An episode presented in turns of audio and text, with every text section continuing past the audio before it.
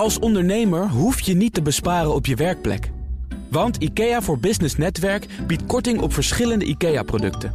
Word gratis lid en laat je werkplek voor je werken. IKEA, een wereld aan ideeën. Werkverkenners wordt mede mogelijk gemaakt door NCOI, de opleider van Werken Nederland. BNR Nieuwsradio. Werkverkenners. Rens de Jong. In deze BNR Werkverkenners de witte man. Veel discussie over de laatste tijd, dus we kijken hoe het nou met hem gaat. Verder een vacature voor een rollenspeler en natuurlijk weer een leermeester. En dat is deze keer een hele persoonlijke geworden. Maar nu eerst het BNR Werkverkenners nieuws. Werkverkenners. Met Nelleke van der Heijden. Dag Nelleke. Dag Rens. Schijnzelfstandigen in de zorg. Daar hebben we het best vaak over gehad. Dat wordt in 2025 nu echt aangepakt. Nu echt, ja. Ja. Dat hebben in elk geval een aantal ministeries en brancheorganisaties in de zorg vorige week afgesproken. Mhm. Nou, vorig jaar deden 170.000 ZZP'ers werk in de zorg dat eigenlijk door vaste medewerkers zou moeten worden gedaan. En dat is een kwart meer dan het jaar daarvoor. Zo. Daar willen deze partijen nu dus echt vanaf. En volgend jaar moet dan duidelijk worden wanneer iemand echt een zelfstandige ondernemer is. En wanneer het toch wel weer om die schijnzelfstandige gaat. Mhm. En dan vanaf 2025 gaat er echt, nu echt, gehandhaafd worden. Ja, dat heb ik wel eh, hebben we vaker gehoord natuurlijk. Maar goed, oké. En, en waarom is het zo kwalijk? Het is heel duur voor de zorg. Hm. De instanties die ze in moeten huren moeten meer betalen omdat ze hoge tarieven vragen, omdat er nou eenmaal krapte is. Het is ook lastiger om rotdiensten kwijt te raken. Denk dan bijvoorbeeld aan nacht- en weekenddiensten. En staatssecretaris Van Rij van Fiscaliteit en Belastingdienst die is hier ook bij betrokken. Dus het zal ook wat te maken hebben met belastingvoordeel waar ze van af willen. Ja, ja. Dan oprichters van start-ups. Die moeten beter voor zichzelf zorgen. Ja, dat zegt in elk geval een Brits investeringsbedrijf, Bolderton in NRC. De investeerder die ziet dat veel oprichters op omvallen staan door slecht voor zichzelf te zorgen, Oh. ongezond te eten, weinig te Nachten bewegen. doorhalen natuurlijk. Negatieve spiraal. Ja, het gaat helemaal mis. En, en waarom maakt hij nou- zich nou zo zorgen om het welzijn van die founders? Nou, omdat een burn-out schijnt bij oprichters. Dat is een van de belangrijkste redenen waarom een start-up mislukt. Ja, ik begrijp wel dat deze man ook denkt meteen een gat in de markt te zien. Niet een oplossing. Ja, precies. Hij heeft een welzijnsplatform voor deze oprichters opgericht. Daar kunnen ze professionele begeleiding krijgen bij hun fysieke en mentale gezondheid. Ja, ja. Een welzijnsplatform voor founders van start-ups. Ja, ze zijn niet de enige. Oké. NRC zag in elk geval meer wellness voor oprichters. Ze zagen nature retreats en vision quest. Wat is dat dan? Nou, daar kunnen topondernemers dus dagenlang blootvoets door natuurgebieden lopen. En ook psychedelische ceremonies om jonge leiders Oh. meer in contact met zichzelf en met Oh, de natuur heerlijk. te brengen. LSD, ayahuasca, dat soort dingen. Allemaal dat soort En, dingen. en dan daarna weer gewoon de mijn in en bikken. Ook Goed. bewegen en gezond eten. Ja, volgens mij moet je Tussendoor, veel meer iets, iets structureels aanpakken dan eh, een paar dagen blootvoet gaan lopen. Maar goed, dat is mijn eh ouderwetse opvatting. Eh, dan de Zuidas. Dat is nog steeds een mannenbolwerk. Ja, erg hè? Dat blijkt uit onderzoek van het FD. Nog altijd maken mannen de dienst uit op de Zuidas. Terwijl er wel heel veel vrouwelijk aanwas is. Dus daar is het probleem niet. Nou, het FD heeft gekeken naar 16 vooraanstaande advocaten in accountantskantoren. En afgelopen vier jaar is daar bijzonder weinig gebeurd. Het gaat om een soort grens van 30 procent. Ja, dat is de magische grens. Als je boven de 30% vrouw komt te zitten, dan In de is- top, ja. in de top, ja. Dan kan er een cultuuromslag gaan plaatsvinden, die natuurlijk heel hard nodig is. Nou, vier jaar geleden hadden vier van de 16 bedrijven dat voor elkaar. En nu is dat da, da, da, vijf geworden. Oh. Dat valt, eh, valt tegen. Nou, je hebt in totaal. er zijn 1676 partners in deze 16 bedrijven. Vind ik op zich best wel veel. Ja. Maar daar zijn er 360 vrouwen van. Nou, dat is zeker niet de helft. Eh, terwijl er wel veel vrouwen zijn. Ja, die aanwas is er dus blijkbaar wel. Het talent is er.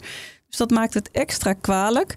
Kwalijk omdat de vrouwen er zijn en dus niet in de top terechtkomen. Maar extra kwalijk omdat deze vrouwen, kan ik me voorstellen, geval gefrustreerd raken. Mhm. En de sector verlaten. En dan stroomt er allerlei talent weg. En dat is natuurlijk hartstikke jammer. Goed, eh, Ja. meer in het FD is een mooi special geworden. Dan, steeds meer bedrijven zetten hun mensen eerder op de trein dan in het vliegtuig. Ja, dat ziet in elk geval de coalitie Anders Reizen gebeuren. Die zegt dat de internationale trein steeds meer op de eerste plaats komt. Nou, dat is natuurlijk prachtig nieuws.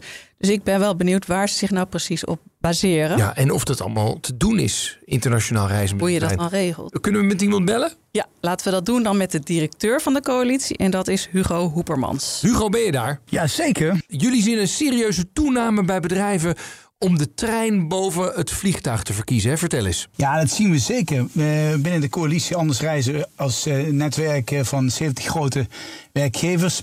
Die allemaal bezig zijn met het verduurzamen hoe hun medewerkers reizen, zowel nationaal als internationaal. Ja. Met als doel minder CO2 uit te stoten.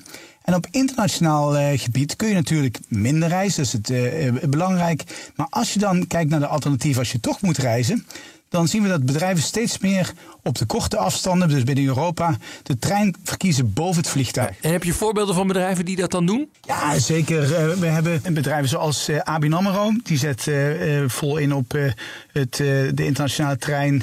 Deloitte, steden, de Rijksoverheid. Dat is een eh, ik greep uit de, de, de voorbeelden die Ja. eigenlijk de trein zeggen van de default. Hè, dus het standaard is de trein tenzij. Ja, ja. En voorheen was het altijd vliegtuig tenzij. En, en wat is dan die tenzij? Ja, je, moet altijd ruimte houden voor uitzonderingen. Dus eh, je kunt bijvoorbeeld eh, zeggen bij een nieuw reisbeleid... binnen een straal van 700 kilometer eh, en een reistijd van maximaal 8 uur... dan neem je de trein. Maar als je bijvoorbeeld naar Luxemburg moet... dan kun je beter vliegen dan dat je daar de, de trein naartoe neemt. Echt waar? Aan bestemmingen als bijvoorbeeld Frankfurt, Parijs of Londen... is het eh, bijna een no-brainer. Oh ja, maar Luxemburg met, met, met, met het vliegtuig, dat meen je toch niet? Nou, ik, ik neem het even als eh gekscherend voorbeeld. Eh, ik weet niet hoeveel vluchten daarop gaan, maar het gaat meer over... daar is in ieder geval de treinbereikbaarheid niet optimaal. Nee, nee. Hey, maar even één ding. Dat treinreizen, dat is hartstikke fantastisch. Ik, ik zit er vaak zelf in, ook internationaal. Maar zeker als je grensoverschrijdend moet gaan werken... het is allemaal niet zo makkelijk als het vliegtuig natuurlijk. Het duurt langer, het is moeilijker te plannen. Aansluitingen zijn soms moeilijk. Houden we daar dan ook allemaal rekening mee... en houden we daar dan ook aan vast als we werkgevers zijn? Ja, volgens mij eh, sla je de spijker op de kop. Op twee manieren. Eén, het is belangrijk om te ervaren of het voor jou een meerwaarde heeft. Ik hoor van veel zakelijke reizigers die zeggen... nou, ik vind het fijn om te kunnen werken van eh, als ik instap tot ik eh, uitstap. En dat is met het vliegtuig anders. Maar de het vliegtuig heeft ook een hele hoop voordelen qua dienstverlening, qua snelheid. Dus volgens mij moet je als bedrijf ook eerlijk zijn in het verhaal. Eerlijk zijn in dat, er, dat het misschien nog niet optimaal is, maar dat je wel die richting op wil. En met je boekingsagent moet je ook goede afspraken maken over dat de medewerker daarin ontzorgd wordt. Dus staat de trein dan bovenaan in het boekingsportal of moet je hem gaan zoeken? Eh, Jullie wisselen ook allerlei eh, oplossingen voor hobbels uit. Hè? Eh, geef eens een voorbeeld. Nou, wat je ziet is heel veel medewerkers ervaren gedoe bij het, het boeken van een reis. Nou, ontzorg daarin. Dat kun je als bedrijf gewoon uit handen nemen. Dat een medewerker of een secretaresse die boekt, daar niet mee bezig hoeft te zijn, maar het gewoon boven het boekingsportal eh, kan bestellen. Ja. Je ziet ook dat het voorbeeldgedrag vanuit sleutelfiguren in de organisatie cruciaal is of dit gaat lukken. Hè, dus eh, bijvoorbeeld bij ABN AMRO, die hebben 70% van alle vluchten naar Londen omgezet naar treinen. Het is niet 100%, het is 70%. Eh, en dat is al heel veel. Maar dat is ook omdat de directie daar het goede voorbeeld geeft. En zo hebben we eigenlijk alle voorbeelden die wij op dit moment uit de organisatie hebben gehaald, ook opgeschreven in een eh zomerchecklist die bedrijven kunnen gebruiken om eh, hun eigen beleid en eh, niet alleen beleid, maar ook de uitvoering daarvan in de organisatie te, te implementeren. Dankjewel. Graag gedaan. Rens de Jong. En dan de themavraag. En die draait deze keer om een precair onderwerp, namelijk de witte man. We willen allemaal een gelijkwaardiger en diversere samenleving. En daarvoor moet er heel wat veranderen. Tot nu toe en nog steeds hebben witte mannen vooral privileges. Dus als je nu gelijke kansen wil voor iedereen, dan heeft dat gevolgen voor diezelfde witte mannen. Nou, terecht, zullen de meeste mensen zeggen. Maar wat doet dat nou met deze mannen? Het gaat eh, goed met de witte man. Ze zijn nog in grote getalen aanwezig op de werkvloer. En dat is op zich eh, ook helemaal prima. We moeten alleen zoeken naar een eh, nieuwe balans tussen mannen, vrouwen, senior en junior. En tijdens het maken van deze uitzending word ik ook wel teruggefloten, want de witte man bestaat niet. Het is eigenlijk een problematische formulering om het altijd over de man of de vrouw te hebben. Dus ook over de witte man of de witte vrouw. Want het impliceert en suggereert dat we dan eenvormig zijn als witte mannen. Oké, we hebben het dus niet over de witte man, maar over mannen en over witte in het bijzonder. Nou, kijk je naar de cijfers, dan gaat het inderdaad nog steeds erg goed met ze. Nederland staat op de 28e plek op de, de Global Gender Equity eh, Gap. Wat betekent dat mannen nog steeds veel meer betaald krijgen voor dezelfde functies. Meer mannen in topposities zijn. Maar laat je de cijfers los en kijk je naar het gevoel, dan is er toch echt wat aan de hand. Want er wordt van mannen aan de ene kant nog steeds verwacht dat ze mannelijk zijn. Maar aan de andere kant is onduidelijk wat dat precies is. Ja, fluiten naar vrouwen en seksueel getinte grapjes, dat is dus ongewenst. Ik heb ook wel eens een, een, een verkeerd grapje gemaakt en dan word ik ook terecht gewezen. Hè? En, en, en terecht ook. En ook voor topfuncties merken mannen dat ze toch vaker aan de kant worden geschoven. Niet gevraagd worden, omdat er gewoon nu een hele andere tendens gaande is. En dat is namelijk jonger, vrouwen en diverser. Ja. En dat is best wel pijnlijk. Al met al reden voor ons van BNR Werkverkenners om eens te kijken of er onder mannen nu misschien sprake is van een identiteitscrisis. Crisis is ook kans, hè? dat zeggen al die mannen zelf ook vaak. Dus nou hebben ze de kans om de crisis te benutten. Never waste a good crisis. Werkverkenners. Hoe gaat het met de witte man? Ja, wij van Werkverkenners raakten geprikkeld om dat uit te zoeken toen er in de krant een discussie ontstond over de vraag of mannen gedemoniseerd worden of niet. Douwe de Lange nam duidelijk stelling in dit debat. Ik ben Douwe, ik ben 24 en uh, masterstudent Legal Research in Utrecht. En ik heb een artikel geschreven in het Parool over uh, dat uh, jongens mogelijk gedemoniseerd worden. Ja. Voor de rest ben ik geen gender-expert, maar ik ben wel een witte man. Dus een soort van uh, ervaringsdeskundige. En, en, jouw punt in het Paroolstuk was, de, de, witte man wordt niet gedemoniseerd, toch? Nee, en ik vind het zelfs een gevaarlijk narratief. Want? Omdat je jongens en mannen daarmee een, een slachtofferrol aanmeet. Mm -hmm. En bij slachtoffers zijn ook altijd daders. En dat, is een, dat lijkt me een gevaarlijke kant om op te gaan. Zit de witte man in een identiteitscrisis? Ja, uh, ik denk dat het daar belangrijk is om dat in twee delen te onderverdelen. En uh, de eerste daarvan is, is materieel en de tweede daarvan is immaterieel. Dus eigenlijk de eerste is, is, is het meetbaar en de tweede onmeetbare dingen. Mm. Meetbaar is het zo dat mannen in de samenleving nog steeds grotendeels de bovenhand hebben. En in heel veel sectoren er uh, veel meer mannen zijn die, die, die aan de top werken. Mm -hmm. Die immateriële kant gaat over de identiteitscrisis van mannen, die, hoe ze zich voelen. Er is een onderzoek geweest van één vandaag, waar ik ook naar refereer in mijn stuk in het Parool. Waaruit blijkt dat, dat een, een groot deel van de, van de jongens en mannen zich onder druk gezet voelt. Ja. Uh, ze weten niet zo goed wat ze aan moeten met de mannelijkheid. En, en de kop van het, van het onderzoek was: er is geen slechtere tijd om een witte man te zijn dan nu. Dus dat is wel een interessante, interessante bevinding. En het is natuurlijk heel belangrijk om te kijken waar die frustratie nou vandaan komt. Eén manier om er naar te kijken is dat jongens gedemoniseerd worden. Sommige mensen zeggen dat. Het stuk waar ik op reageer in het parool mm -hmm. was een man die dat, die dat beargumenteerde. Maar er zijn natuurlijk veel meer uitleggen mogelijk. En ik, ik denk dat we daar juist naar moeten kijken. Ja, dus materieel hebben mannen niets te zeuren. Ze staan nog uh, aan top van de food chain. Krijgen meer betaald. Hebben uh, tussen aanhalingstekens betere banen, et cetera, et cetera. Toch? Ja, helaas wel. Ja, ja, ja, ja precies. Immaterieel merken we dat het gevoel anders begint te zijn. Ja. De vraag is dan ook eventjes, is dat erg? Dat is erg, ja. Dat is erg. Waarom is dat erg? Nou, dat betekent dat jongens gefrustreerd zijn en, en boos. Ze voelen zich bekrompen. Dat was ook in het onderzoek uh, stonden er een aantal jongens die zich bijvoorbeeld na de MeToo-discussie steeds minder uh, vrij voelden om dingen te zeggen. Mm -hmm. En uh, of je dat nou terecht vindt of niet, is het wel belangrijk om het daarover te hebben. Ja. Want als mannen zich niet goed voelen in de samenleving, is dat ook een belangrijk onderwerp. Ja. Ik denk dat, het, dat je het wel goed moet onderscheiden van emancipatie en gelijkwaardigheid. Dat zit veel meer aan die materiële kant. Dus ervoor zorgen dat vrouwen daadwerkelijk gelijkwaardig behandeld worden. Dat betekent niet dat die immateriële kant niet belangrijk is. Dus daar, moeten, we het, moeten we het zeker over hebben. Je zou kunnen zeggen, nou ja, het, het feit dat je je wat beknot, bekrompen, et cetera voelt, ja, dat, dat is ook wel logisch, want er is een omslag gaande. Zeker. Live with it. Absoluut. Nee, Ja. ja. dat, de- in zekere zin is dat zo. Maar dat betekent niet dat je het daar maar bij moet laten, denk Mhm. ik. In het eh, artikel waar ik op reageerde in het Parool sprak de auteur van de keerzijde van emancipatie. En ik denk dat dat een hele foute verwoording is. Mhm. Omdat je daarmee doet alsof er een slechte kant is aan een gelijkwaardige samenleving. Ik denk wel dat je kunt spreken van gevolgen van emancipatie. We hebben natuurlijk een samenleving die in de afgelopen jaren rap gelijkwaardiger is geworden. Nog steeds niet helemaal gelijkwaardig is, maar wel steeds meer wordt. En daar zijn gevolgen aan. Eh, jongens die merken dat. Die merken dat ze steeds meer worden uitgedaagd ook door de samenleving. Bijvoorbeeld als het gaat om die MeToo-discussies. Maar ook over eh, grapjes over vrouwen bijvoorbeeld. Seksueel getinte opmerkingen. En eh, ja, ze krijgen steeds meer weerwoord. Ja. Dat is in principe niet erg. Maar ze moeten daar wel iets mee kunnen, die jongens. Ze moeten daar zich, zich niet onder, zo, zodanig ondergesneeuwd voelen... dat ze niet meer meedoen. Nee, heb, heb, maar hebben we daar feiten van dat dat al aan de gang is of niet? Dat een vandaag onderzoek zegt, ja, ze voelen zich wel eh, miskend, en, Mhm. et cetera. Is dat dan al een reden om aan te nemen, ja, ze doen niet meer mee? Dat denk ik niet. Mhm. Eh, in, dat, in dat onderzoek bleek dus dat vier van de tien mannen uit het onderzoek zei: eh, wij, wij staan onder druk. Als je kijkt naar die materiële zaken, dan, dan blijkt dat eigenlijk nergens uit. Maar immaterieel is het wel iets dat je.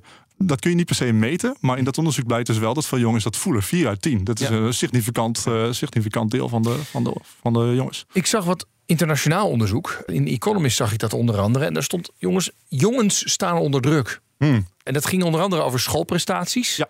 Datzelfde onderzoek zei ook, eh, de suicide rate onder jongens is hoger en hoger aan het raken. Absoluut. Do we have a boys problem? Zeker. Ik bedoel, als je naar, naar die statistiek kijkt, dan, dan hebben we zeker een boys problem. En dat kan ook zeker het gevolg zijn van dat, dat jongens zich steeds meer onder druk gezet voelen. Mhm. Waar je wel heel erg mooi met oplet, is dat je daarmee, daarvoor een dader aanwijst. Daar zit eigenlijk het pijnpunt. Dus jij zegt, ja, dat is een groot probleem, maar ga dan niet de emancipatiegolf eh, als, als dader aanwijzen, want Precies. dan zijn we veel verder van huis. Precies, dat Ja. is, lijkt me een heel verkeerde eh, richting. Daarmee stuur je naar, eh, daarmee geef je de vrijheid aan, aan figuren als, als Jordan Peterson, Andrew Tate en zo. Die, die heel erg inspelen op dat narratief van de geëmancipeerde samenleving verkrampt de man. Mhm. Eh, de- daar, we raken ondergesneeuwd, we doen niet meer mee. Mijn volgende gast had een paar jaar de taak om besturen en raden van commissarissen minder wit en minder mannelijk te maken. Wat zag zij nou gebeuren met die witte mannen? Ik ben Carlijn Lortie. Ik eh, ben ondernemer in hart en nieren. Afgelopen jaren een aantal eh, verschillende dingen gedaan, waaronder bedrijven opgezet. En het meest in het oog springende ervaring is de afgelopen drie jaar als eh, directeur van de Nederlandse Vereniging van Commissarissen en Directeuren. Ja. Heb je bij die NCD vooral met witte mannen gewerkt of niet? Ja, in eerste instantie wel, maar dat is ook heel erg veranderd. Want Ja. dat was een van mijn speerpunten. Ja. Nou, wij willen een uitzending maken over het welzijn van de witte man. Ja. Heb je het gevoel dat er ook frustratie leeft op dit moment? Ja, dat denk ik wel. Ja? Ja. ja. er is zoveel aandacht voor diversiteit, inclusiviteit, dat ze zich ook wel een beetje ehm, gepasseerd beginnen te voelen. Mhm. Ja, En waar merk je dat aan? nou, ik heb echt wel concrete voorbeelden van mannen die eh, solliciteren op een eh, plek in een raad van eh, toezicht of een commissariaat. En die dan onderop een stapel of, stapel of naast een stapel terechtkomen. Ja. En wat zeg je dan tegen die mannen? Ja, in eerste instantie of zij beseffen waarom dat zo is. Nou, het eerste antwoord wat je altijd hoort is... Nou, ze zoeken toch wel een vrouw, ze zeggen het, ze zeggen het er alleen niet. Ehm, terwijl er, ehm, ja, dus ze zoeken diversiteit. En vaak bestaat zo'n raad eigenlijk al uit grotendeels witte mannen. Ja, en als jij dan als witte man daarop gaat solliciteren... dan mag je jezelf ook wel even afvragen... of jij dan die diversiteit kon brengen. Ja, eh, maar goed, voor de, individuele man eh, blijft dat hetzelfde voelen, toch? Ja, dat En klopt. En wat, als jij zegt, nou realiseer je wel even of jij nou het beste komt brengen. Wat, wat krijg jij dan weer voor een eh, tegenargumenten te horen van deze, deze mensen? Ja, dat, dat zijn hele mooie discussies eigenlijk. Want eh, iedereen is uniek. Iedereen heeft iets te brengen. Dus op het moment dat je gaat discussiëren over het man-vrouw zijn, jong, oud, dat, dat ga je niet winnen, want dat is gewoon een feit. Ja. Dus wat ik dan vraag eigenlijk, wat is jouw specialiteit? Wat kom jij brengen? Hoe kijk jij naar de wereld? En hoe is dat anders van de mensen die op dat moment aan die bestuurstafel zitten? Of je nou voor een eh, raad van bestuur eh, gaat of een eh, raad van toezicht. Het maakt niet zoveel uit. Als jij niet van jezelf weet wat jouw toegevoegde waarde is, wat jouw unieke eh, bijdrage is, ja, ja, dan wordt het niet eh, inclusiever en Nee. diverser. Nee, maar dan zullen ze zeggen, nou ja, ik heb heel veel ervaring, et cetera. Ik kan inderdaad niet kijken vanuit de blik van een, eh, een, een, een, een vrouw. Want dat ben ik niet. Nee, maar dan kan je ook wel vragen: is dat nodig voor die rol? En, en wie zijn die klanten en wat bedienen zij? Dus ze moeten zich eigenlijk steeds meer inleven in waar doen ze dat voor. Ja. Maar En- maken ze dan nog wel een kans? Hebben ze dat idee? Ze hebben het idee dat ze steeds minder kans maken eigenlijk, Mhm. omdat die stem dus eh, steeds groter moet worden. En En wat doet dat met die mannen? ja, dan voelen ze zich eh, ja, achtergesteld eigenlijk, ge- onzeker. Mhm. Onzekerheid komt eh, naar boven. Gaan ze harder werken? Want ze zijn eigenlijk opgegroeid met de norm van... joh, als je maar hard werkt, als je het doel voor ogen houdt... dan, dan kom je er wel. En zij hebben eigenlijk... ze zijn eigenlijk altijd gevraagd. Ja. En dat is wel... ze worden niet meer gevraagd. En, en ja, wat is gevraagd worden? Dan word je gezien, dan heb je, ben je zichtbaar. En als je niet meer eh, gevraagd wordt... dan kunnen zij het gevoel hebben dat ze niet meer zichtbaar zijn. Dat ze er niet meer bij horen. Ja, en dat doet heel veel met je zelfvertrouwen. Ja. En is het nou dat je zegt, nou ja, je hebt eigenlijk niet doorgehad dat je de afgelopen duizenden jaren bevoordeeld bent. En nu word je gelijk behandeld en zo voelt dat. Dus nou ja, pech voor je. Of heb je ook zoiets van, ja, nou ja, dit, nou, dit is niet leuk voor je. Nou, allebei een beetje. Ik had laatst een gesprek met een man en die vertelde dus dat hij uh, zo ontzettend baalde dat hij graag in zo'n raad wilde, uh, niet uitgenodigd werd en het kwam alleen maar door de vrouwen. Mm. nou, toen probeerde ik dus ook wat ik net zei van ja. uh, wat, wat is jouw unieke toevoeging? Maar hij kwam er dus eigenlijk achter dat hij wel hard had gewerkt voor het, het verkrijgen van dat resultaat. Maar dat hij, ja, dat, doordat hij man was en in een witte omgeving zat, dat het ook wel eigenlijk vanzelfsprekend was. Nou, en ontdekte dus eigenlijk een soort van vorm van discriminatie die hij nooit mee had gemaakt. En in één keer ging hij beseffen: oké, zo moet dat voelen. En als er dus een man zich echt openstelt met zijn hart en niet alleen met zijn hoofd probeert te redeneren waarom zoiets er is, dan zie je in één keer dat er een bepaalde vorm van empathie komt. Hmm. En deze man in kwestie, die stond ik echt mee te praten en die voelde in één keer wat discriminatie was. Ja. Die kreeg de tranen in zijn ogen en zegt: Ja, maar ik ga het hier met mijn maten, met mijn vrienden over hebben. Want dit is volgens mij de kern. En volgens mij kunnen wij, zijn wij ook de oplossing. Kunnen wij ook met elkaar nu aandacht vragen voor die inclusievere werkplek? Ja, maar het geeft hem geen baan. Nee, nee. Nee, dus hoe gaat hij daar dan mee om? Nou, op het moment dat jij uh, wel daar werk van maakt, je wil wel een exclusievere werkplek en je gaat dat verspreiden, je gaat ook zorgen dat andere mensen een kans krijgen, ja, dan komt er vanzelf alweer wat op je pad. Dus het is ook een kwestie van helpen andere men mensen in het zadel krijgen. Ja, ja. Komen ze zelf dan nog wel uh, aan besturen toe? Dat ligt, eruit vanuit, ligt eraan vanuit welke positie dat uh, gedaan wordt. Dus er, als je echt iemand hebt die geen uh, rol in een bestuur meer heeft en dat heel graag zou willen, Mhm. mm -hmm. ja, die kan vaker tegen gesloten deuren aanlopen en dus daardoor nou, een stukje zelfvertrouwen verliezen. Zit je nog wel op een positie, maar word je bijvoorbeeld niet uh, voor een commissariaat, extra commissariaat uitgenodigd, dan kan je dat doen vanuit je huidige positie. Dus ja, dat ligt echt aan waar iemand zit. Um, um, vind uh, ik vind het interessant dat je zegt, je hebt die gesprekken daarover met, met die. Wat doet dat met jou?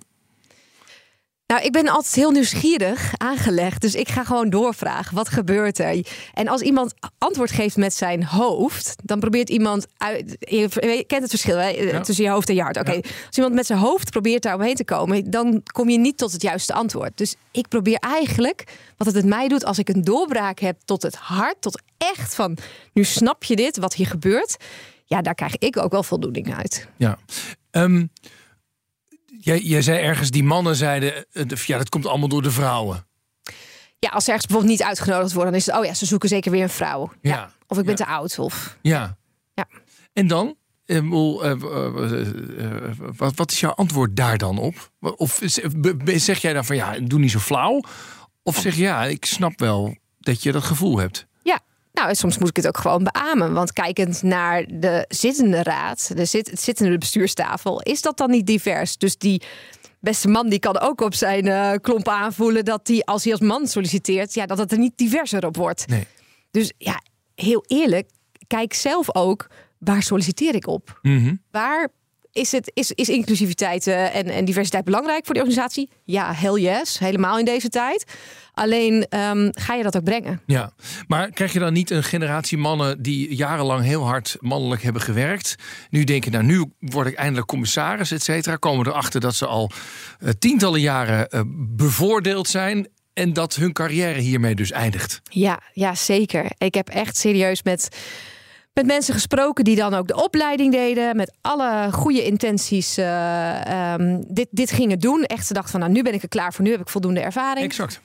En dan uh, niet uitgen uitgenodigd worden. Mijn laatste gast is zelf witte man die zich al meer dan 30 jaar sterk maakt voor de emancipatie van de samenleving. Ik ben Jens van Tricht, oprichter en directeur van Emancipator, een organisatie voor mannen en emancipatie. En ik heb een boek geschreven, uh, Wat voor man wil je zijn? Wat voor man wil je zijn? Dat is dus een, een thema dat over de hele wereld speelt. Ja, eigenlijk is het de grote vraag die onder allerlei maatschappelijke vraagstukken ligt... en allerlei persoonlijke vraagstukken ook. Uh, hoe vullen we in deze wereld man zijn in? Welke boodschappen geven we aan jongens en mannen... over wat een echte man is of moet zijn? En hoe zich dat verhoudt tot de problemen die we hebben als samenleving of als jongens en mannen zelf. Ja. Ik wilde je eigenlijk even vragen hoe het nou met de witte man gaat. Maar ik begrijp dat het daar al misgaat, hè? want de witte man bestaat niet. Nee, dan wil ik weten welke witte man. Gaat het over jou? Gaat het over mij of Ja. over een andere? We zijn niet homogeen. We zijn niet allemaal hetzelfde. En door het over de witte man te hebben, reproduceren we eigenlijk het idee van een keurslijf waar die witte man dan aan moet voldoen. Ja, maar we doen het wel als maatschappij, toch? We zeggen, eh, je hoeft de krantenkoppen maar eh, erop na te slaan. De witte man. Ja, en dan zeg ik altijd, de bestaat niet. Witte mannen bestaan wel. Mhm. En witte mannen hebben allerlei posities in de samenleving waar we best wat aan zouden mogen veranderen. Ja. Witte mannen hebben van oudsher allerlei privileges, onverdiende voordelen. En krijgen nu ermee te maken dat de legitimiteit van die voordelen ter discussie staat. Ja. En waarom is het een probleem om dat in een keurslijf te duwen? Weet je, het probleem met mannen en mannelijkheid is dat. En dat is, dat is dus een probleem wat, wat je echt over de hele wereld ziet. Er is een fenomeen dat wordt internationaal vaak geduid als de manbox. Er is een hokje man. En om daarin te passen moet je van alles wel zijn, maar vooral ook van alles niet zijn. Eens een voorbeeld. Nou, mannen moeten sterk, stoer, onafhankelijk, zelfverzekerd, actief, daadkrachtig, mogen niet huilen, niet vrouwelijk zijn, geen homo, geen mietje, et cetera. Mhm. En dat zie je eigenlijk over de hele wereld dat vergelijkbare beperkende invullingen van man zijn of van mannelijkheid dominant zijn. En dat daar heel veel van die problemen die we hebben, problemen die jongens en mannen zelf hebben, en problemen die ze veroorzaken voor meisjes en vrouwen, voor de hele samenleving, dat die daarmee te maken hebben. Mhm. Want als je alleen maar sterk en stoer en daadkrachtig mag zijn, maar dus niet lief, zorgzaam, invoelend, onzeker, kwetsbaar, dan mis je heel belangrijke eigenschappen die je nodig hebt om als een normaal mens te functioneren en sociale interactie te hebben. Dus als wij het willen hebben over de positie van andere mensen op eh, de arbeidsmarkt, dus sowieso in de, de maatschappij, dan de witte man, dan moeten we het ook juist ook over de witte man hebben. We moeten het over witte man hebben, Ja, niet over de witte man. we moeten het over Ja, witte man. nee, want juist in die veelzijdigheid. Weet Ja. je, er zijn arme en rijke witte mannen. Er zijn homoseksuele en heteroseksuele witte mannen. Er zijn witte mannen die zeven vinkjes hebben. En er zijn witte mannen die misschien maar één vinkje hebben. Om die metafoor van Joris Luijendijk erbij te halen. Er is wel iets aan de hand, hè? want de discussie over de vraag of mannen nu gedemoniseerd worden of, of niet, we hebben de kranten er wel even op nageslagen, wordt nou, behoorlijk emotioneel gevoerd. Aan de andere kant zien wij ook nog, jongens hebben het eh, moeilijk op school. Eh, ik zag ook wat Amerikaans onderzoek dat er de suicide rate onder jonge jongens ook hoog aan het worden is. Is de man in crisis? Ik hou me nu meer dan 30 jaar met het onderwerp bezig. En al die 30 jaar gaat het over de crisis waar mannen in zitten of de crisis van mannelijkheid. Maar wat het eigenlijk is, is een crisis van de legitimiteit van die mannelijkheid. Het is een crisis die duidelijk maakt dat de traditionele ouderwetse rollen en posities en invullingen van man en mannelijkheid niet meer houdbaar zijn. Die staan op gespannen voet met de idealen die we als samenleving hebben geformuleerd van gelijkwaardigheid, rechtvaardigheid, eh, veiligheid. Ja. Maar staat ook op gespannen voet met de geleefde werkelijkheid van jongens en mannen. Want we zijn uiteindelijk veel meer dan alleen dat hokje wat ons voorschrijft, die manbox, wat ons voorschrijft wat we wel en niet mogen zijn.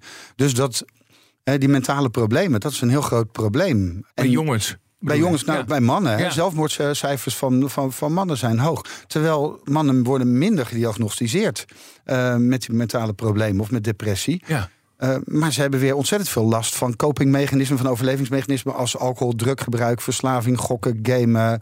eh, geweld is ook zo'n ding. Ja. En als je gaat onderzoeken waar het vandaan komt, dan is het omdat mannen leren niet over emoties te praten. Boys don't cry.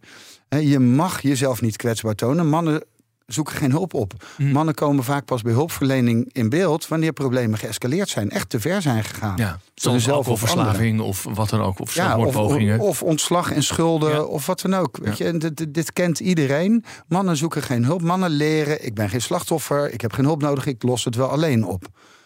Maar we zijn niet alleen, we zijn niet autonoom, we zijn niet altijd overwinnaars. We zijn ook kwetsbaar. We hebben andere mensen nodig, we hebben hulp nodig af en toe. Dus dat we dat mannen ontzeggen, dat heeft reële consequenties in bijvoorbeeld zelfmoordcijfers. Je zegt het al, hè? we streven naar een gelijkere wereld. En dat voelen mannen dus ook.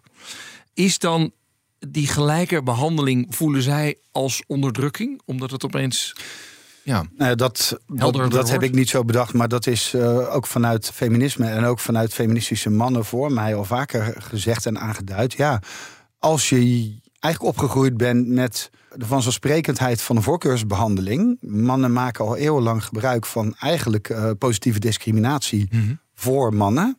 En je wordt ineens gelijk behandeld, dan kan dat voelen als onderdrukking.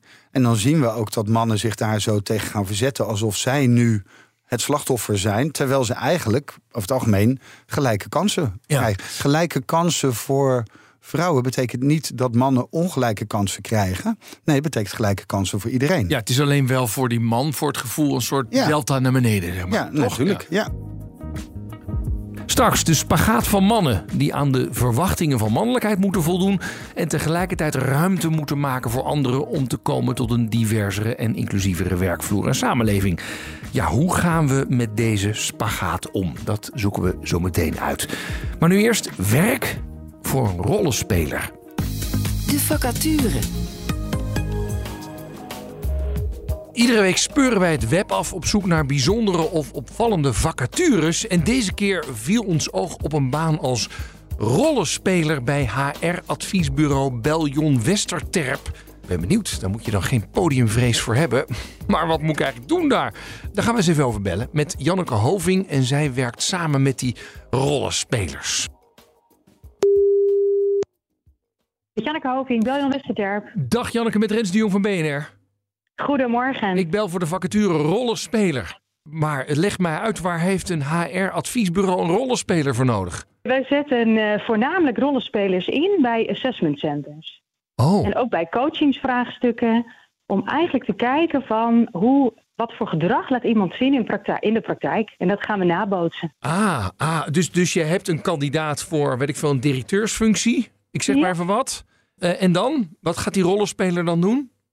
Die rollenspeler, die, eh, van tevoren krijgt hij een opdracht mee. Bijvoorbeeld een gesprek met een medewerker. Of een gesprek met de raad van bestuur. Of een gesprek met een collega. En dan heb je dus een, een tegenspeler nodig die dat dan helemaal even internaliseert, die rol. Juist. Nou ja, dat is wel het allerbelangrijkste. Je moet snel je kunnen inleven. Eh, je moet kunnen schakelen in gesprekken. En je moet kunnen aanvoelen, hè, wat moet ik nu voor gedrag gaan inzetten. Dus ja, je moet gewoon vooral heel mensgericht zijn. Ja, en wat voor een iemand zoek je dan eh, al als rollenspeler? Want ik zat even de vacature te kijken. Er staat niet, eh, je moet een toneelschool hebben gedaan. nee, liever ook niet. We willen het zo realistisch mogelijk houden. Ja. We zoeken Oh, ja. het liefst mensen die ervaring hebben als bestuurder, leidinggevende of als HR-adviseur. Dus eh, mensen die ja, zich makkelijk zo'n rol eigenlijk eigen kunnen maken. Omdat ze het al een keertje, wel een keertje hebben gezien of meegemaakt. Juist, Ja, ja. juist. Dus Ja. onze rollenspelers zijn ook heel divers hoor. Dat zijn ehm, mensen vanuit het HR-vak. ehm, dat zijn ook wel mensen, eh, eh, dat zijn bestuurders, directeuren, wethouders. Er Oh. zit echt van alles tussen. Dus het is ook inderdaad heel erg breed. Het gaat Oh. vooral om ja, persoonlijkheidskenmerken die we zoeken. Wat grappig. En dan is het, en moet je dan ook nog een beetje zo, zo zuigen? Weet je, dat je denkt, ja, we gaan die directeur wel, een beetje ja. uit, de, uit, de, uit de tent lokken. Ja, zeker. Kijken of hij boos ja. wordt. Nou, precies. Want hè, we hebben natuurlijk ook bepaalde eh, nou ja, competenties hè, die wij in kaart willen brengen. Eh, dus ja, je wordt af en toe uit de tent gelokt. Hè. Als directeur mag je natuurlijk stevig staan. En hoe ga je om met weerstand? Ja, dus ja. Zeker, ja. Dus de mensen worden wel uit de tent gelokt. Wat een leuke baan zeg. Hey, en dit is Ja. allemaal in Enschede, maar het is, eh, want je weet nog niet hoeveel werk er is, denk ik. Want het is als freelancer zoek je iemand, toch? Ja, het is als freelancer, precies. We starten eh, de eh, assessments nog op in, eh, in Enschede, maar we doen dit al landelijk heel veel. Ik werk zelf vanuit Groningen.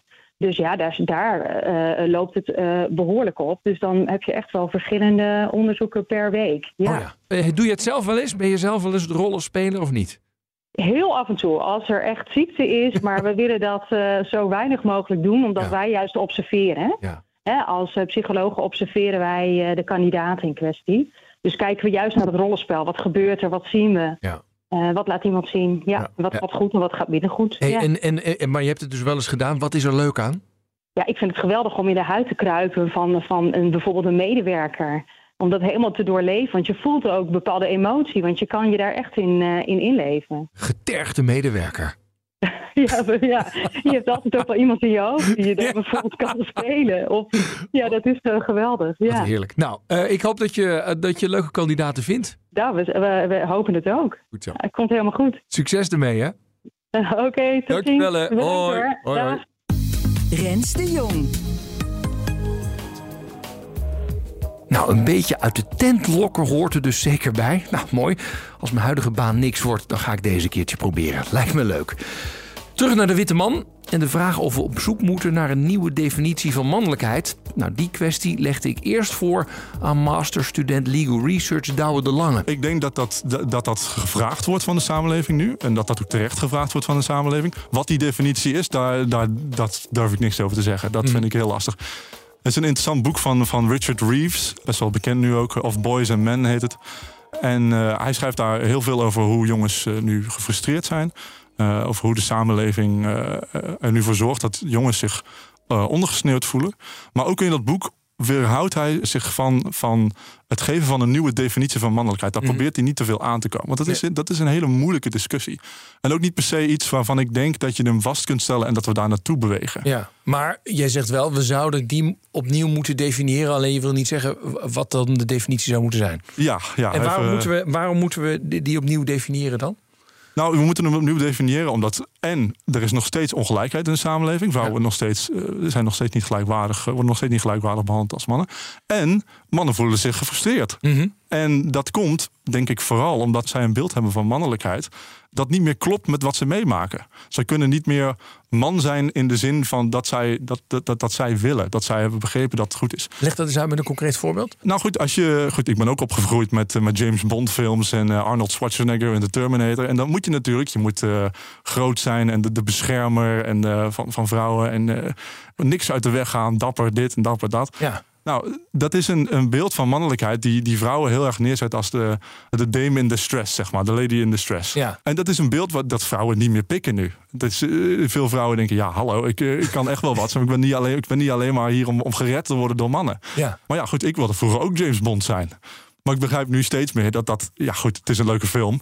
Maar het, het is niet een beeld van mannelijkheid dat, dat enigszins dat, dat realistisch is. Of dat, dat, dat je moet nastreven. Dat vind ik wel een interessant voorbeeld. Dus jij zegt eigenlijk cultureel zijn wij in de afgelopen jaren allemaal opgevoed met een beeld van wat mannelijkheid zou moeten zijn. Ja. Dat wordt nu niet meer gevraagd eh, aan ons als mannen. Ja, En nu zitten we, ja, maar wat moeten we nou doen dan? Want we hebben altijd dit geleerd. ja. Terecht of onterecht. Ja, nee, precies. We moeten, we moeten iets anders gaan doen. Er zijn dingen waarvan van, van de samenleving zegt...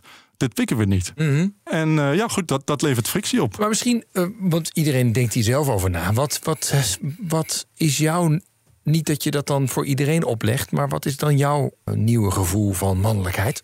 Oeh, ik denk dat een, een hele belangrijke daarin is respect voor je omgeving. Een beetje nadenken over de, over de samenleving, hoe die al lang is geweest en hoe die beter kan. Ik denk dat heel veel mannen het helemaal niet oneens zijn met de stelling dat we nog steeds een ongelijkwaardige samenleving hebben. Dat is gewoon, dat, dat kun je gewoon bewijzen, dat is aantoonbaar. Ben je daar bewust van als man? Ik denk dat dat een, een hele belangrijke is. Dat is overigens ook voor vrouwen belangrijk hoor. Dat is voor iedereen belangrijk. Maar voor mij is dat een, een belangrijk aspect van, van waar we naartoe moeten. Enig bewustzijn en respect voor je omgeving. Maar nogmaals, ik wil, ik wil hier niet een soort nieuw beeld schu- schetsen van mannelijkheid. Van dit moeten, man, moeten alle mannen doen. Alle mannen zijn het. Dus alle mannen zijn natuurlijk niet hetzelfde. Nee. Goed, jij zal ook een ander beeld hebben dan ik. Wat daar belangrijk in kan zijn, is dat je let op rolmodellen. En daarin is bijvoorbeeld ook wel belangrijk wie jonge jongens zien op, eh, als ze opgroeien. Ja. Daarin is eh, bijvoorbeeld 90% basisschoolleraren zijn vrouw.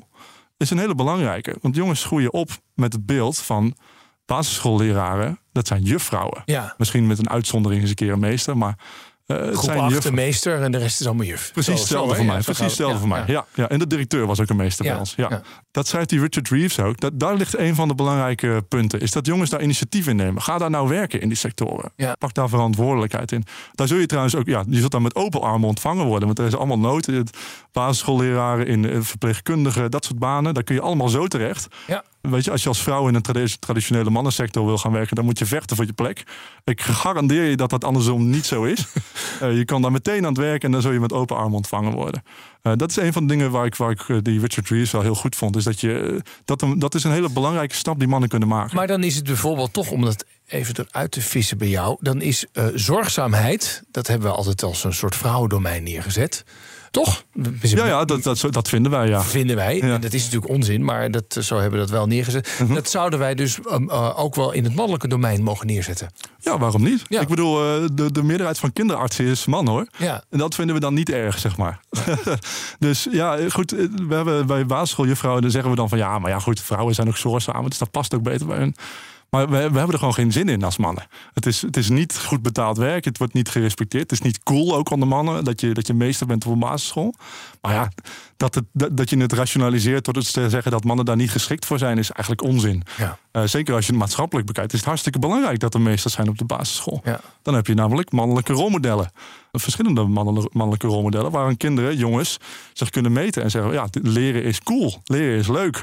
En ik wil zo graag zoals hij worden. Oké, we worstelen dus met onze mannelijkheid en misschien zelfs wel een identiteitscrisis. En de vraag is dan, hoe lossen we dat nou op? Ja, dat alleen al is heel mannelijk, zegt Jens van Tricht, om dat even snel op te willen lossen. Wat ik vaak merk in gesprekken hierover is dat mannen willen een knopje om op te drukken. Of desnoods willen ze even een berg verzetten. En dan willen ze weer overgaan tot de orde van de dag. Maar dat waar ze mee bezig waren, de orde van de dag, is deel van het probleem. We moeten structureel dingen gaan veranderen. We moeten werken aan een cultuurverandering. Zoals Mariette Hamer ook heel nadrukkelijk in het Nationaal Actieprogramma Seksueel Grensoverschrijdend Gedrag en Seksueel Geweld heeft benoemd. Kijk, mannen, we leven eigenlijk, kan je zien, we leven op twee verschillende aardplaten. Er is een hele oude patriarchale aardplaat die manbox dwingend oplegt aan mannen, die van mannen verwacht dat ze grensoverschrijdend gedrag vertonen. Dat zien we ook in workshops. Hè. Als jongens niet tot en over de grens gaan, dan zijn ze vast geen echte man, dan ben je een mietje. En wat voor workshops zijn dat dan? Nou, dat zijn workshops waarin we met jongens in gesprek gaan over eh, wat betekent mannelijkheid voor jou en hoe verhoudt zich dat tot geweld, relaties, seksualiteit, consent en dat soort dingen. Ja, ja, en dan praten jonge mannen over wat er eigenlijk van die groep. Nou ja, dat zie je dan. Hè, dat die manbox wordt. houdt Ja. in, dus eigenlijk grensoverschrijdend, grenzen opzoeken, valt in de nauwe definitie van mannelijk gedrag. Ja. Afstemmen en aftasten en invoelen niet. Als je dat doet, dan zou je wel een mietje zijn. Dus je moet eigenlijk tot de grens en net er wat overheen om te bewijzen dat je een man bent. Zo leren we dat jonge mannen in de Ja, maar cultuur zo nu. leren we dat volwassen mannen ook nog Ja. steeds aan. Hè? Hè, Kom, neem er nog één. Eh, nee, eh, zit je thuis onder de plakzeek. Je bent geen echte man. Je zal wel een mietje zijn. Is er iets mis met jou? En dan gaat het alleen maar over nog een biertje nemen. Ik bedoel, de verhalen van mannen over seksistische plaatjes en grapjes in appgroepen... eh, leiden tot hetzelfde. Als je daar iets van zegt, dan spoor je ook niet. Dus we hebben een patriarchale aardplaat... waar mannen doen wat er van hun verwacht wordt in het patriarchaat... En we hebben een moderne, geëmancipeerde aardplaat. We hebben eigenlijk diezelfde witte mannen gecreëerd. Met al hun verlichtingsidealen, vrijheid, gelijkheid, broederschap, et cetera. Vrouwen zijn daar enthousiast allemaal opgesprongen van... ha, dit is onze kans. Een deel van de mannen is daar ook opgesprongen. En een heel groot deel mannen staat in een spagaat. Ja. Want als je ze individueel spreekt, en dat is echt interessant... en dat blijkt ook uit onderzoek... dan zijn de meeste mannen eigenlijk best heel vooruitstrevend en progressief en weldenkend. En dan willen ze eigenlijk dat we normaal met elkaar omgaan. Maar ze denken allemaal dat andere mannen daar conservatiever en, en, en reactionairder in zijn. En dat ze zich dus daaraan aan moeten passen in het gedrag met die mannen. Dus je ziet die aardplaten over elkaar schuiven en erupties geven van allerlei ongemak en problemen en escalaties. Want iemand als Mark Overmars, die zegt zes jaar na MeToo... Oh ja, ik had echt niet door dat dikpik sturen niet kon. Dan kan je zeggen, onder welke steen heb jij gelegen? Maar je kan ook denken, oh, wat hij dus eigenlijk zegt is... ik deed gewoon wat ik denk dat normaal was. En heel veel mannen rond de Voice en mannen in andere dingen zeggen dat allemaal. Dus mannen doen wat er van hun verwacht wordt, dat zei jij net... op de patriarchale aardplaat. Terwijl ze ergens wel weten en ergens ook ernaar verlangen... om op die andere plaat te mogen leven. Want dat is voor alle mannen ook veiliger. Hè? Die patriarchale plaat betekent ook dat mannen elkaar voortdurend onveiligheid bezorgen. Ja. Geweld van mannen tegen mannen, geweld van mannen tegen zichzelf, is, is enorm op die patriarchale aardplaat. Ja. Dus we moeten mannen uitnodigen, perspectief geven om op die andere aardplaat te komen. En dat kunnen ze niet alleen maar alleen. Daarvoor hebben we ook die cultuurverandering nog. Daarvoor hebben we het nodig dat mannen met elkaar deze gesprekken aangaan. Ja, ik vind jouw eh, voorbeeld van die appgroep heel eh, treffend. Want ik heb ook zo'n appgroep. En dan Ja, komt we weten af en het allemaal. we weten allemaal. Ja. En dan zit je. En het grappige is, dan zie je iemand die zegt: jongens, dit kan gewoon niet. Wat hier. En dan krijg je daar gewoon. Ja. eh, eh, eh, lullige opmerkingen Ja. over. Dus, En er zit Kijk, bijvoorbeeld, dat neem ja. ik, niemand neem ik dit iets kwalijk, maar je denkt wel, oh ja, oh ja, dan krijg je gewoon een week lang, krijg je, Ja, maar dan krijg je mag dus- dit niet meer? Precies. Ja. Weet je, nou ja, er zijn mensen die zo hele vriendengroepen kwijtraken. Of inderdaad dan maar hun mond voortaan houden. En we hebben naar aanleiding van, van Trumps uitspraak eh, over locker room talk... Oh ja. hebben we dat op een gegeven moment toen uitgepluist met, met, in een workshop met een groep. Want het lijkt vaak alsof er maar één, één ding is dat je kan doen. Wel of niet. Doe je wel of niet iets. En dat wat je zou doen is dan eigenlijk heel mannelijk. Dus je namelijk in de groep uitspreken als, als good guy tegenover de bad Oh ja. guy. Ja. Maar je kunt natuurlijk op heel veel verschillende manieren kijken wat je wel kan. Het begint ermee. Plaats jij ook wel eens dat soort dingen die op of over het randje zijn? Daar kan je al mee ophouden. Geef je er een like aan, lach je erom of niet? Hè, al dan niet in de appgroep of wat dan ook, of stuur je het door aan iemand. Vervolgens, als jij zegt, goh, ik vind dit niet leuk, dan kan je kijken, wat zijn mijn opties? En als degene die het de groep niet veilig genoeg voelt, kan je wel kijken, wie zit er verder in de groep met wie ik hier eens over kan praten? Is er misschien een van mijn vrienden met wie ik individueel gesprek over kan hebben? Weet je, dat gebeurt af en toe en ik vind het eigenlijk niet leuk. Kunnen we daar niet iets mee? En dan kan je ook nog kijken, kun je in die groep met andere mensen dat gesprek? Je kunt ook degene die zo'n opmerking maakt of zo'n plaatje stuurt, kan je apart aanspreken in plaats van in de groep. Hè, apart spreek je hem eigenlijk dan aan op de geëmancipeerde plaat. Ja. Op dat been waar die op staat. Dat versterk je dan. Terwijl als je het op de patriarchale plaat doet, dan gooi je hem voor de wolven. Want hij moet zich dan wel manifesteren en handhaven, anders dan delft hij het onderspit. Dus het is interessant om bij al deze dingen te kijken, wat kan er wel, in plaats van, oh, kan er toch niks aan doen, want het is nu helemaal zo. Of ik kan maar één ding doen, maar dan loop ik alle risico. Of ik reproduceer eigenlijk het idee van de ridder op het witte paard. Dan naar ondernemer en oud-NCD-directeur Carlijn Lortie. Waar ziet zij een oplossing in? met elkaar in gesprek blijven. Ik denk, als we echt naar elkaar kunnen luisteren, dan, ehm, ja, dan kunnen we daar wat mee. Sommige van mijn gasten zeggen we moeten naar een nieuwe definitie van mannelijkheid. Spreek jij dat aan? Nou, nee, dat is, dat is echt iets uit je hoofd gedacht eigenlijk. Want je, waar gaat het om? Waar ontstaan die problemen? Het is, een, het is als een soort overlevingsstrategie. Als iemand een verslaving creëert of iemand die is heel erg uit op de macht, eh, dat is een overlevingsstrategie. Dus waarom heeft iemand dat? En eh, stel je wel de juiste vragen. Kan je daardoor, heb hoor je echt wat diegene nodig heeft? Dus als je zegt tegen mij, er is nieuw mannelijkheid nodig. Nee, we moeten beter naar elkaar gaan luisteren ja, als ik echt weet van jou waarom jij de dingen doet, dan kunnen we met elkaar een verandering aan eh, in werking zetten. We hebben natuurlijk wel allerlei uitwassen gehad van eh, verkeerde masculiniteit op de werkvloer. Ja. Dat mogen we toch wel zo zeggen, toch? Nou, we zien nu de regeringscommissaris heeft er ook het een en ander over gezegd, uh, Mariette Hamer. Ja. Ben jij daar wel eens bij, bij geweest dat je zegt, jongens, we moeten deze cultuur op de werkvloer proberen te veranderen? Ja, zeker. En volgens mij, en daar bedoel je mee ook dat eh, de, de grappen die ma- mannen kunnen maken. Hè? Even, dat, Ja. de- dus even de roze olifant benoemen. Is, is, dat is, vinden ze wel het allermoeilijkste. Dat ze eigenlijk op een hele joviale manier, net zoals met hun vrienden, met hun de, de vrouwen op de werkenvloer willen omgaan. Ja. Maar dat ook weer niet kunnen. Nou, ik heb het zelf ook aan de lijf ondervonden. Ik zal het voorbeeld verder niet uh, Nou, nader nou, nemen. Je, nou, je hoeft het niet uh, namen en rugnummers, maar ik ben wel benieuwd wat er dan gebeurt. Nou ja, dat er een opmerking eh, wordt geplaatst die eigenlijk gewoon echt niet kan in een zakelijke omgeving. En dat ik daarop heb gezegd dat dat dus echt niet kon. En waarop de reactie was: ja, maar ik ken jou echt zo goed. Jij staat dicht bij mij, dus dat kan wel. Nee, dat kan echt niet. Dus de mannen die hebben daar echt wel moeite mee. Dus daar waar ze eerder tegen andere mannen kon zeggen: Oh, die nieuwe vrouw is echt een lekker wijf. Ja, dat weten ze ook wel. Dat kunnen we eigenlijk niet meer tegen elkaar zeggen. Dus er ontstaat een soort schimmige, ja, grijs gebied. En de vraag is aan vrouwen eigenlijk ook: van joh, wat vind jij wel oké en wat niet? Kan je dat uitspreken? Hè? Ik zat vorige week uh, hier met een, een, vriend. Die was eerst een zakelijke relatie, is een vriend geworden. En die kan nog wel eens hele schuine, foute grappen maken, zeg maar. Ja. En echt, voorheen ging daar keihard mee, erop en erover eigenlijk ja. een beetje. En ik besefte me in één keer van, joh, volgens mij is het goed om heel even uit te spreken dat dat oké okay is. Dat dat tussen ons oké okay is. En ik denk dat uh, als mannen daarover twijfelen of ze dat wel of niet kunnen doen, dan kunnen ze gewoon eigenlijk heel even checken. Ja, sorry, ik, af en toe maak ik een hele schuine opmerking. Is dat verder oké okay voor jou? En als je je geïntimideerd voelt, laat het even weten. Ja, ik denk dat daar hoort, een vrouw, het gedrag van een vrouw hoort daar ook bij. Ik had een andere gast en die zei: We hebben, dat noemen ze manboxing, geloof ik. Hm. Waarin dus die mannen die drijven op twee soort continentale platen. Aan de ene kant, als je in een mannelijke omgeving bent.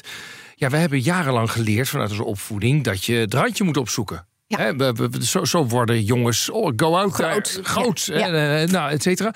Daar hoort dus ook dat beetje dat soort praat bij. Ja. En aan de andere kant, als je het individueel aan mannen vraagt, die zeggen ja, ik wil graag inclusief en, en, en gelijkwaardig en et cetera zijn. Maar soms wordt dat, als ik dat doe, ook niet geaccepteerd door de mannengroep waarin ik zit. Nee, klopt. Alsof je overloopt. Nou, Ja, ja. wat doen wij hiermee op de werkvloer? Ja, bespreken. ik blijf het zeggen, maar dat is, het is ook super ongemakkelijk natuurlijk om over te hebben met elkaar. Want eh, je stelt je kwetsbaar op. Dat zijn ze al helemaal niet echt gewend. Doe je iets verkeerd? Nou, nee, niet per definitie. Dus wat vind je zelf eigenlijk ervan? Heel veel mannen weten echt gewoon vanuit hun hun kern die denken, ja, nou, tuurlijk kan dat prima. Ik heb het altijd oké gevonden. Dus ja, waarom vind jij dat niet oké? Nou, en als je daar nou interesse in hebt, waarom iemand anders het niet oké zou vinden, dat is een begin. Nou, dan nu de conclusie over mannen, witte mannen en hun identiteitscrisis. Ja, lastig. Ik geloof niet dat we er helemaal zijn uitgekomen deze uitzending. Maar belangrijke dingen die ik hoorde, ga erover met elkaar in gesprek. Mannen onderling, maar ook mannen met vrouwen. Verder, ga zelf op zoek naar je eigen definitie van mannelijkheid. Wat vind jij nou echt belangrijk? En laten we zorgen voor mannelijke rolmodellen, liefst ook in typisch vrouwelijke sectoren, zoals de zorg en het onderwijs. En zoeken naar een manier om weg te komen van de aardplaat waar het draait om de verouderde vorm van mannelijkheid, zodat je met beide benen op de aardplaat komt waar een gelijkwaardige, inclusievere cultuur heerst. Nou, succes met eh, Schotse springen, zou ik maar zeggen. Het zou fijn zijn als we een beetje uit die spagaat komen. De leermeester. Laatste onderdeel van deze uitzending, de leermeester. Wie zorgde bij jou voor een kantelpunt in je carrière? Hielp je een stap te zetten die je anders niet durfde te zetten? Deze week bellen we met de leermeester van Demon Burgman, student aan de mediaopleiding in Hilversum. Dag Demon. Hi, Rens, hi. Uh, goed je te spreken. Vertel mij even kort, wie is jouw leermeester? Dat is uh, Wanda de Jong, on- oftewel Jevanda. Vertel mij daar meer over. Nou, ik kwam van het uh, speciaal onderwijs. En daar zeiden ze tegen mij van... Nou, je gaat het best nog wel zwaar krijgen. Hè? Een beetje naar beneden halen deden ze. En ja, Wanda geloofde in mij. Die dacht van nee joh, nee joh. Die jongen die kan het, die gaat er echt voor. Welke opleiding was dit? Waar zat je dan? Uh, ja, dat was het ja, VMBO was dat. En deze Juvanda die uh, zei, jij kan het allemaal wel. Ja, die geloofde echt in mij. Nou, ik vind het heel erg leuk dat jij belt, Damon. Want dit is voor mij ook wel speciaal. Want deze juf Wanda, die ken ik persoonlijk ook. Want het is namelijk ja. mijn moeder. Dus dat is even speciaal in deze uitzending. Dus we gaan even mijn moeder proberen te bellen. Ik heb er alleen maar gezegd, ik heb iets leuks voor je. Voor de rest weet ze niks, Damon. Dus um, nou, gaan we even kijken wat er gebeurt. Hey mam, met Rens. Hey. Hoi, hoi. Even de vraag, luister jij mijn programma wel eens? Nee. Nou, dat is dan ook weer een teleurstelling, maar goed. Ja, ik ben nooit thuis. Ik Nee. zit gewoon te wachten. Ja, je kunt het gewoon ooit- downloaden, hè, mam. Maar goed, oké, maakt niet uit. We hebben, dit is dan leuk voor jou, we hebben in deze mijn uitzending hebben wij een rubriek en dat heet De Leermeester. Ja. En dan laten we iemand bellen met zijn of haar leermeester. Oh. En jij bent uitgekozen tot leermeester. Oh? En ik heb diegene die jou heeft uitgekozen aan de andere kant van de lijn. Oh, dan ben ik wel heel erg benieuwd. Ja. Nou, maak je maar bekend. Hallo Jevanda, het is Damon hier. Hé, jongen. Damon. Hé, hey, jongen. Oh, hoe is ie? Ja, goed. Ik heb heel leuk nieuws om uh, te melden. Nou, vertel. Ik kan voor 99,99% zeggen dat ik geslaagd ben voor mijn opleiding. Oh, jongen. Gefeliciteerd. Wat heerlijk. Wat heerlijk. Het is je allemaal gelukt. Ja, want ja. Uh, uh, Wanda, uh, ik, ik, begrijp net van Damon dat jij wel iets in hem zag, terwijl anderen dat niet zagen. Nou, weet je wat het is? Damon die, die kwam bij mij op school en ik was zijn mentor. Althans, ik werd toegewezen van nou, Wanda moet jouw mentor zijn. En toen kwam hij dus, had hij dus een soort leerachterstand, zeg maar. En, maar deze jongen die ging zo hard werken. Dat ik zeg van ja, de, de, zo met zo'n discipline. Ja, toen toonde hij iets over, over, over, over uh, cameraman worden of zoiets dergelijks. Ja. En toen bedacht ik van ja, jij met je programma, met de televisiemakerij die je toen had. Oh, ik bij RTL toen? Ja. Ja. Toen ben ik dus met Damon En nog een groep jongens van nou, auto maar volladen op een vrije dag. Die dacht van dan hoef ik geen lessen te, te doen en zo'n gerommel. En dan een vrije dag naar Amsterdam gegaan. Om te kijken van Damon, nou dit, dit ga maar kijken. Jij bent toen, Damon, ben jij toen komen kijken met die uitzending? Ja, dat was, eh, ja, dat was in Amsterdam was dat. En eh, met Tim en Tom Coronel, dus daar heb ik ook nog even mee gebabbeld. Kan ik me nog Ja. herinneren. Ja, En, met die, ja. En, ja, en met een cameraman. Ik, kan, ik weet niet wat precies zijn naam was, maar ik kan me nog wel herinneren dat ik echt achter die camera stond. Ja, en dat was wel echt een moment voor mij dat het echt bevestigd werd. Oké, dit wil ik echt laten worden. En dus nou- daar heeft me echt mee geholpen. Oh, en nou ben je het ook echt daadwerkelijk aan het worden. Je hebt de opleiding 99% klaar. Ja. Wat goed zeg. Hey, ehm, jij zei net tegen mij eh, van ja, er waren heel veel mensen die het niet in mij zagen en Wanda zag het wel in me. Hoe belangrijk is het dan dat, dat zo'n jufje dan zegt, joh, je kan het wel? Dat is heel, heel goed en motiverend. Want dat heeft me echt wel geholpen. Dat, eh, dat stukje zelfvertrouwen. Kijk, mijn ouders wisten het. Maar als iemand anders naast jou, en zeker ook je mentor, er ook echt in gelooft dat je het kan. Ja, dan is het een kwestie van een beetje echt voor jezelf en, eh, en goed doorzetten, inderdaad. En discipline. En dan lukt het. Ja. Het is zo- zeg maar het extra zetje wat je nodig hebt. Ja. Nou, mam. Ja, dat is leuk om te horen dat dat zo, zo doorwerkt. En ik zei wel eens tegen, herinner ik mij tegen Damon, want dan had ik goede cijfers en dan moet je het rapport bespreken en zo, weet je wel. Ik zeg, jouw werken loont. En volgens mij, Damon, klopt het dat, dat, dat die opmerking ook jou geholpen heeft van, ja, werken loont. Ja, ja, dat kan me nog zeker nog herinneren. Ja, ja dus Nou. dat is gewoon heel leuk. Ja. Mooi om jullie even zo bij elkaar te brengen. ja, leuk. En succes hè, met je mooie beelden maken, Damon. Ja, dat gaat lukken. Gaat lukken. Oké. Dank jullie wel, jongens. Doei, doei. dag, Hoi. dag, dag. Nou, dit was Werkverkenners voor deze week. Volgende week dan krijg je de eerste zomerspecial. Dinsdag om drie uur. En natuurlijk in je podcast-app kun je deze en andere werkverkenners op ieder moment terugluisteren. Tot de volgende keer. Dag. Werkverkenners wordt mede mogelijk gemaakt door NCOI, de opleider van Werken Nederland. Het inrichten van je eigen zaak is best wel wat werk. Daarom biedt IKEA voor Business Netwerk 50% korting op interieuradvies. Word gratis lid en laat je werkplek voor je werken. IKEA, een wereld aan ideeën.